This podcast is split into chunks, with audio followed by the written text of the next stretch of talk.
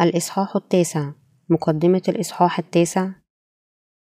إنجيل الماء والروح هو لكل من الإسرائيليين والأمم على حد سواء.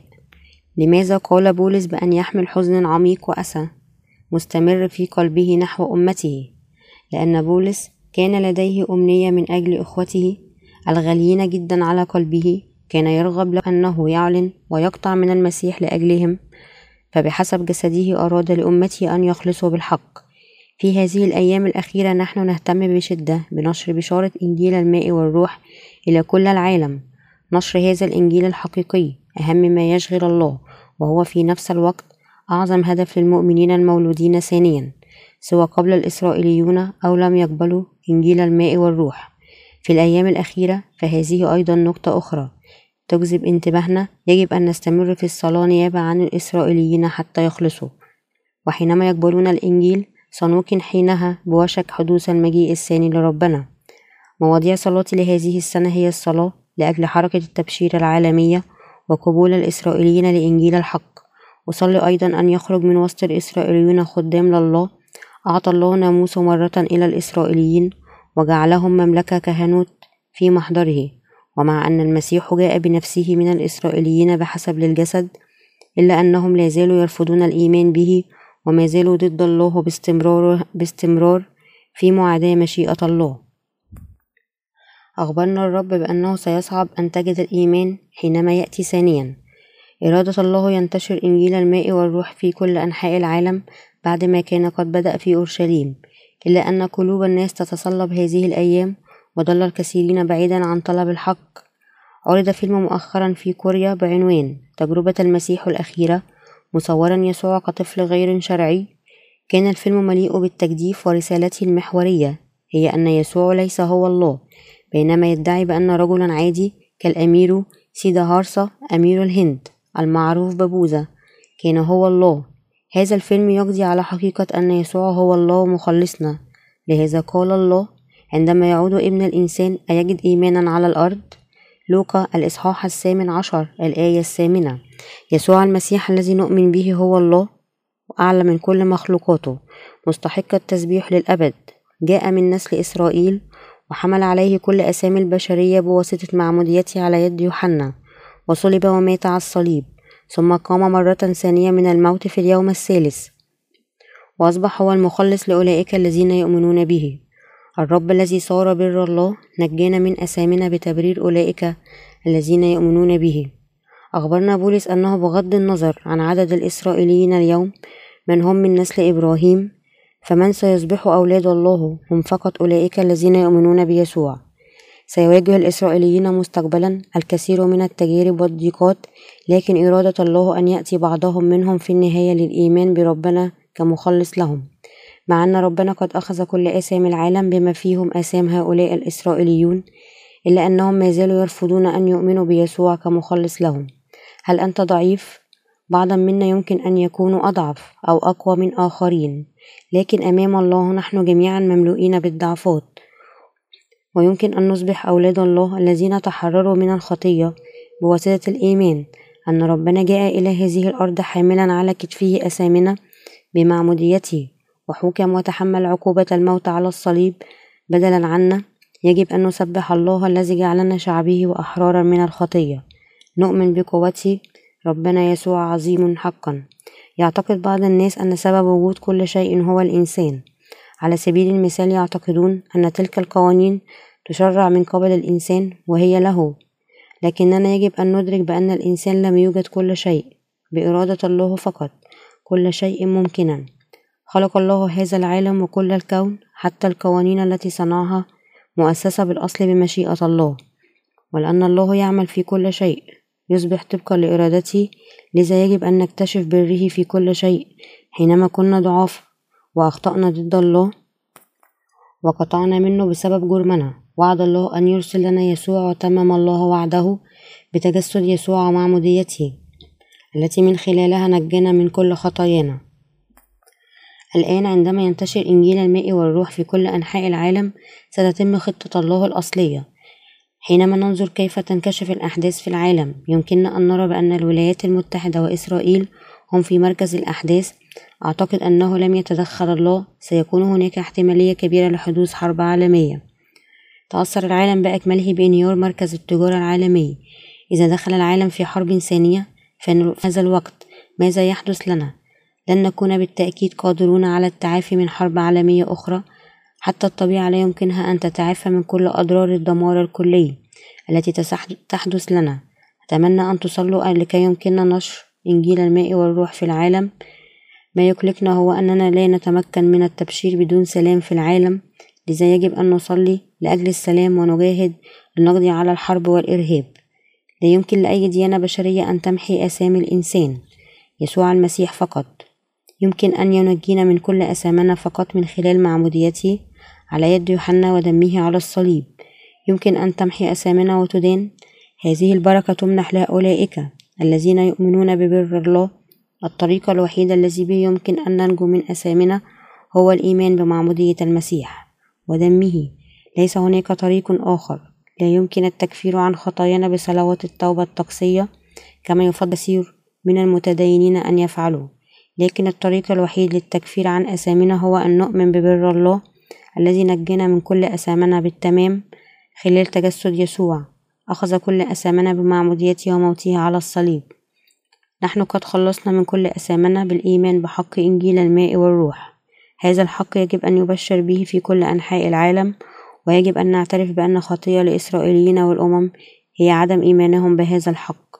على كل شخص أن يؤمن بإنجيل الماء والروح. هذان الجنسان الإسرائيليون والأمم لا يمكنهم سوى أن يستمروا في الخطية طالما يحيون في هذا العالم لكن ربنا قد اهتم بأمر كل هذه الأسام بشكل نهائي بمعموديته هل يمكن أن يكون هناك أي حقيقة أسهل وأوضح من حقيقة معمودية يسوع ودمه على الصليب؟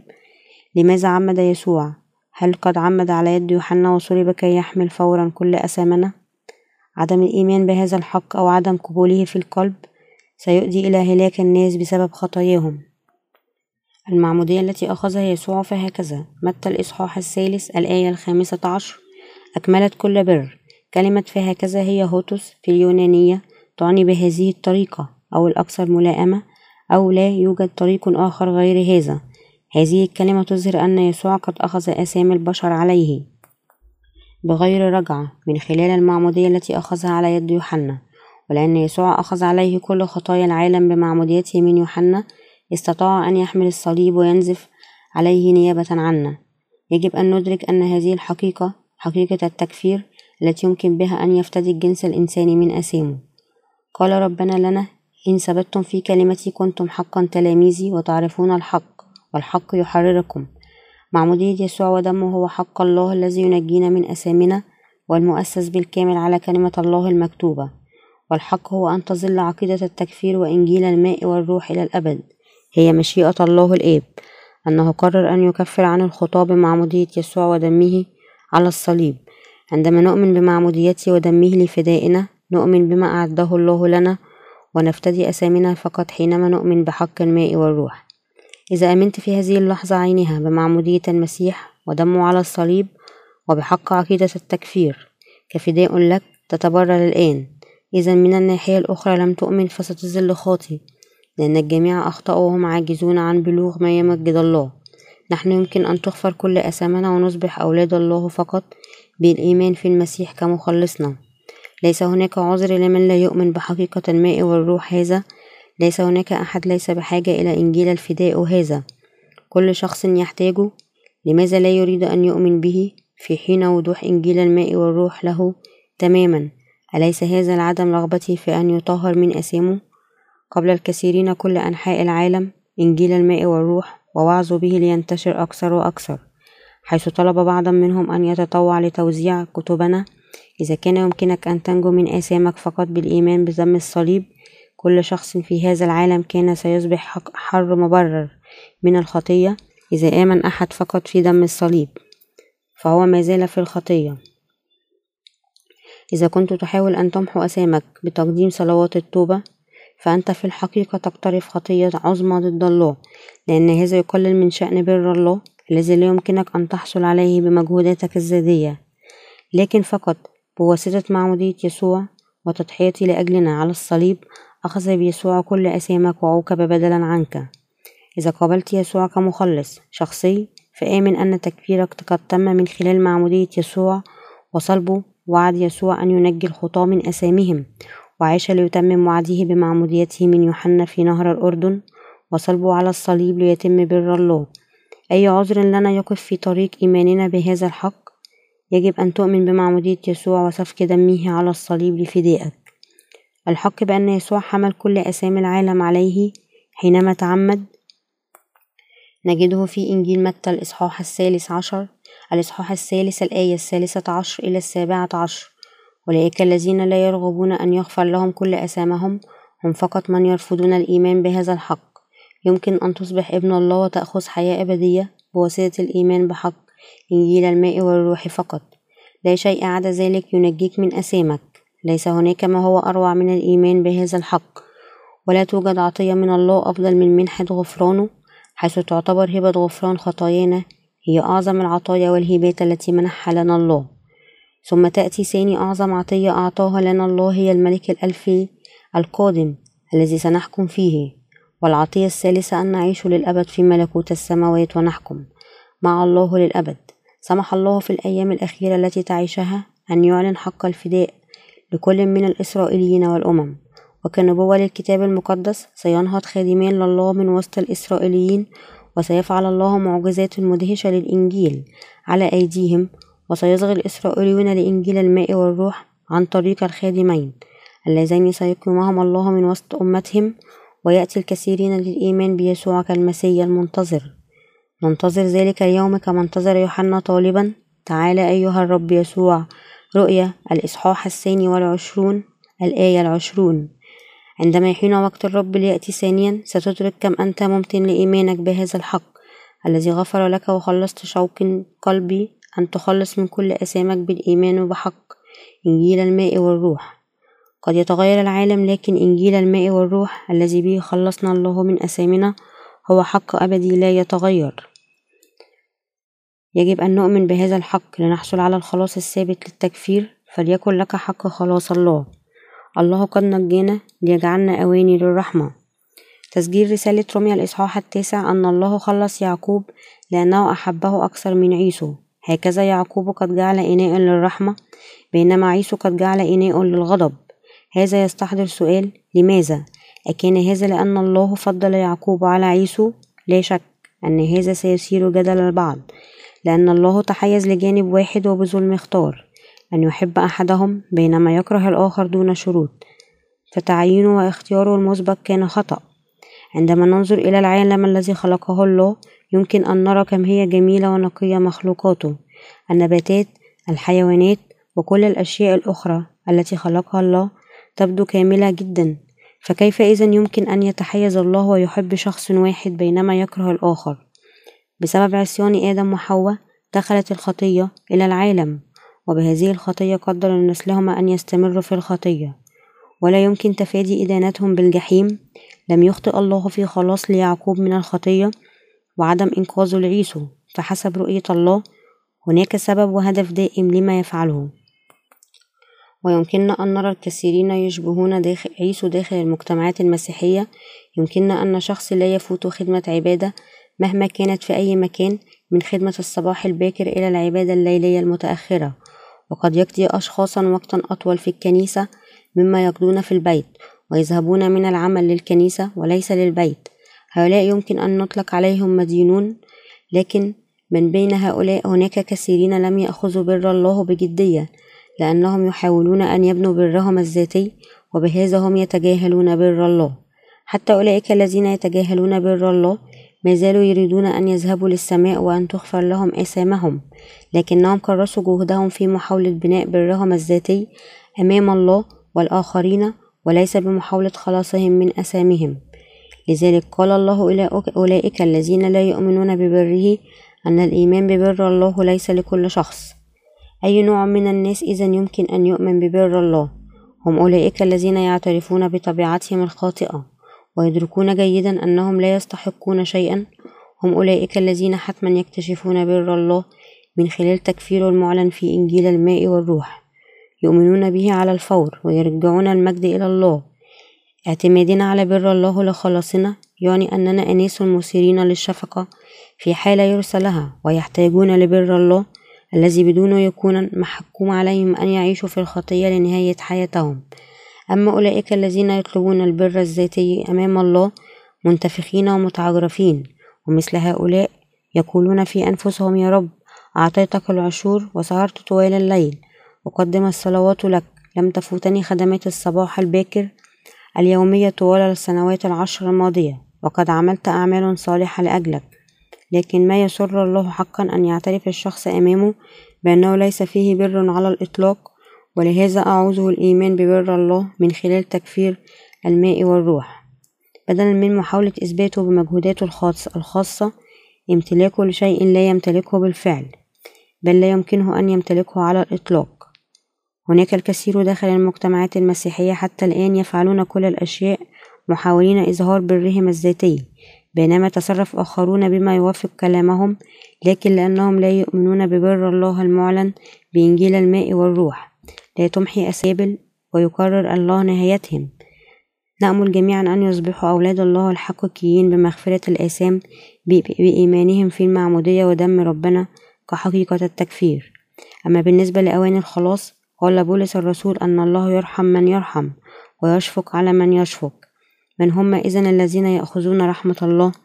كل البشر لا يمكنهم العيش بحسب كلمة الله مع أنهم يريدون حقا أن يعملوا ذلك. فيتعثرون مرارا وتكرارا بالرغم من أمانيهم الصادقة. أن يؤمنوا ويعيشوا بكلمته فينتهي بهم الأمر إلى الشعور بالأسف أمام الله يملؤهم الشعور بالذنب. ويعتقدون أنهم يذهبون يستحقون أن يدانوا بالذهاب للجحيم. هكذا يطلبون رحمة من عند الله معترفين أن حالهم يرسى له ويثير الشفقة سواء في العالم الأرضي أو ملكوت الله ولأنهم يعرفون أنه لا يمكنهم أن يخلصوا ما لم يرحمهم الله فهم يطلبون رحمته بشدة. بمعنى آخر النجاة من الخطية في متناول أولئك الذين يشفق عليهم الله ومن يرحمهم. لمثل هؤلاء منح الله إنجيل الماء والروح. بجعل ابنه الوحيد يأخذ كل الآثام على نفسه بمعموديته وموته على الصليب وقيامته من الموت. كل هذا لكي ينجيهم من هلاكهم المحتوم. يرحم أبانا أولئك الذين يشفق عليهم. لكن يبدو أن هناك أناسا وضع الله عليهم غضبه أكثر ممن يرحمهم. أخبرنا الله أنه داخل الجماعات المسيحية يوجد كل من أواني الرحمة وأواني الغضب. بكلمات أخرى هناك أناس يحبهم الله وأناس لا يحبهم. يخبرنا في روميا الإصحاح التاسع الآية السابعة عشر فإن الله يقول لفرعون في الكتاب لهذا الأمر بعينه أقمتك لأظهر فيك قدرتي ويعلن اسمي في الأرض كلها. سمح الله لأناس مثل فرعون أن يرتفعوا ليرفعوا قوته بينما أظهر حبه لأواني الرحمة لكي يعلن اسمه لكل العالم بسبب أثامنا وغضب إلهنا. كان مصيرنا الجحيم لكن قد خلصنا من كل أثامنا لأن الله منحنا حبه للرب. أولئك الذين لا يؤمنون ببر الله ويشغلهم فقط السعي وراء برهم الذاتي. هم ضد الله وهؤلاء هم الذين تركهم الله لغضبه حيث يعلن غضبه القوي. يجب أن يكون هناك من يقفون ضده. بهذا تستعلن عدالة دينونة الله. من مثل فرعون هم من قد رفضوا حب بر الله. بالنسبة لفرعون أعطاه الله الضربات العشر والأخيرة كانت هي الموت. لأولئك الذين رفضوا الله. تنتظرهم البحيرة الأبدية المتقدة بالنار. هذا هو غضب قوة الله. هناك الكثير أقوياء في هذا العالم ممن ينكرون الله لكن في النهاية يسقطهم الله ليعلن غضبه بقوة. ما يهمنا إذا هو كيف يمكن أن نصبح أواني للرحمة؟ لأننا إذا أصبحنا هكذا يمكننا أن نؤمن بحب بر الله. نحن ليس لدينا شيء نتباهى به أمام الله إلا أننا ولدنا لكي نؤمن بحبه البار. الكتاب المقدس يخبرنا بقصة العشار والفريسي. اللذان صليا أمام الله حيث رحم الله العشار.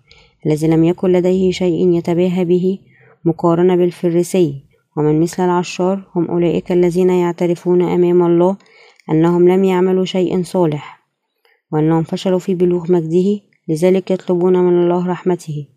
هذا النوع من البشر هم من يتسربلون بحب بر الله لكن من هم مثل الفريسي يتفاخرون ويتباهون باستمرار بكل فعله لأجل الله.